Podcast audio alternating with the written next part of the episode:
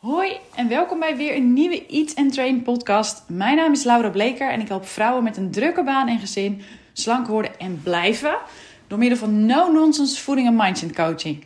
Doei dieet mindset, hallo food freedom. Hey jongens, goed dat je luistert. Um, zoals altijd weer een spontane podcast. Ik klik gewoon mijn dictafoon open en ik begin te kletsen. En vandaag wil ik het met je hebben over die vriendin. Uh, de kerstdagen komen eraan. Dat ik dit opneem is het 14 december. Dus zeg over 10 dagen is het kerstavond. En um, ik heb de afgelopen dagen al een aantal klanten gesproken die er heel veel zin in hebben. Want het is natuurlijk super gezellig, familie, echt zo'n happy holly uh, party vibe. Nou, ik, ik heb er altijd wel veel zin in. Ik vind het heel gezellig. Um, maar ja, ik spreek natuurlijk een heleboel vrouwen, of eigenlijk al mijn klanten, die willen afvallen. En de reactie die ik dan hoor uh, als we het hebben over kerst is: van, Nou, ik heb er heel veel zin in, maar ik zie er ook wel een beetje tegenop. En um, dit gaat geen podcast worden over hoe blijf je slank of hoe zorg je dat je niet te veel aankomt. Uh, daar heb ik ook wel één belangrijke tip voor. Misschien dat ik dat in een post verwerk of dat ik daar een andere podcast voor maak.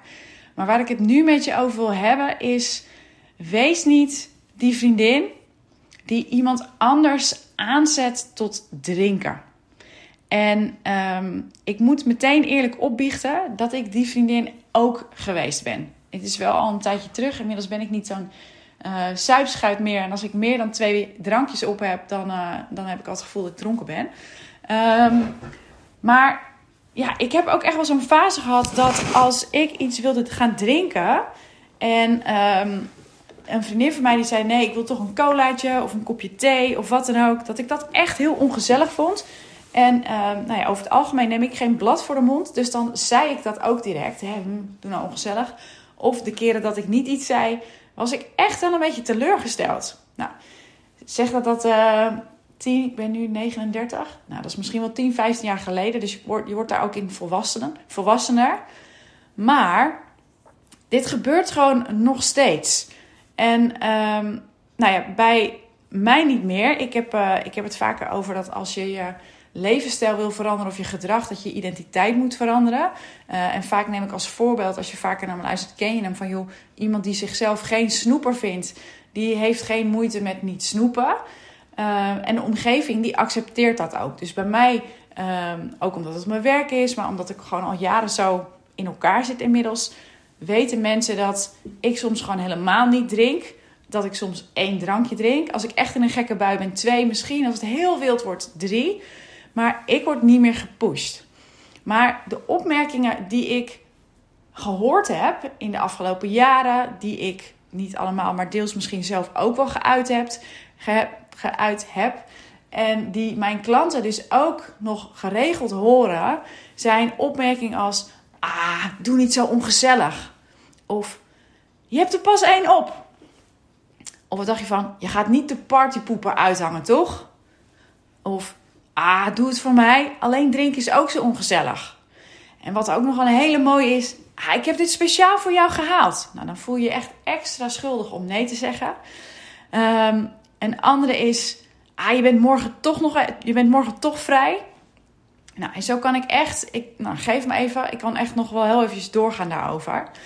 En waarom ik deze podcast opneem en daarom wil ik je, als je dit luistert, wil ik je meteen vragen, als dit straks resoneert voor jou, deel hem met zoveel mogelijk vrouwen, misschien mannen ook, is niet mijn doelgroep, maar deel hem.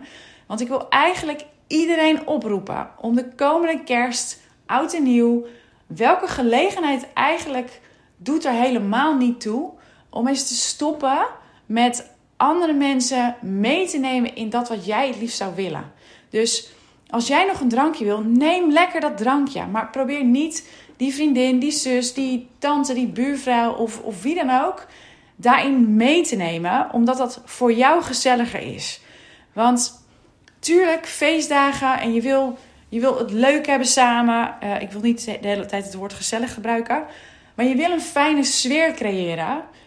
Maar besef je dat als iemand besloten heeft of bedacht heeft van joh, voor mij is het nu even genoeg dat jij die ander overhaalt om dat toch te doen, ja, wie help je daar nou eigenlijk mee? Die ander geeft aan, ik wil dit niet. Uh, jij pusht toch door. Die ander denkt waarschijnlijk de volgende dag, shit, heb ik weer niet de, nou, ik wil zeggen de ballen, heb ik weer niet het lef gehad om daar nee tegen te zeggen. Niet iedereen is, staat stevig genoeg in zijn schoenen. Misschien ook mensen die eigenlijk zelf ook wel de overtuiging hebben van, joh, als ik niet meedrink, dan ben ik niet gezellig. Maar als iemand dat aangeeft, respect, respecteer die grens dan alsjeblieft. Ik ben ervan overtuigd dat we allemaal met een fijner gevoel terugkijken naar de avond ervoor. Als we niet meer gegeten of gedronken hebben dan we zouden willen. Dus help elkaar.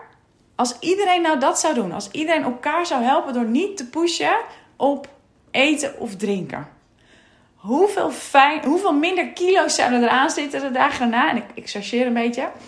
Hoeveel fijner zou het zijn als niemand daardoor over zijn eigen grenzen gaat? En ik durf je te wedden dat het echt nog minstens zo gezellig zal worden als jij de grenzen van die ander accepteert en vice versa. En ehm, nee, dat was het eigenlijk. Dus ik denk dat dit nu echt een keer mijn kortste podcast is. Maar het is dus eigenlijk een oproep. Wees niet die vriendin en laat elkaar in de waarde. Het wordt ook echt wel gezellig zonder die ander te pushen. En kijk eens wat er gebeurt ook als je dat niet doet en wat er bij jezelf gebeurt als je merkt dat een ander jou niet pusht. Hoe ga je, kom je dan dat kerstdiner doorheen? Hoe word je dan wakker de volgende dag? Nou, ik ga hem hiermee afsluiten. Zoals ik al zei, dit gaat eigenlijk vooral een beetje over ehm, alcohol. Misschien is het met hapjes chocola een beetje hetzelfde. Voor eten heb ik één hele belangrijke tip voor je. Als je die gaat opvolgen, dan uh, weet ik zeker dat je niet uh, excessief uh, gaat aankomen rond de feestdagen. Maar daar ga ik een post of een podcast aan wijden. Dus dat komt nog. Ik wil je danken voor het luisteren. Nogmaals, heb je iets aan? Stuur het lekker door. En um, bedankt voor het luisteren. Tot de volgende.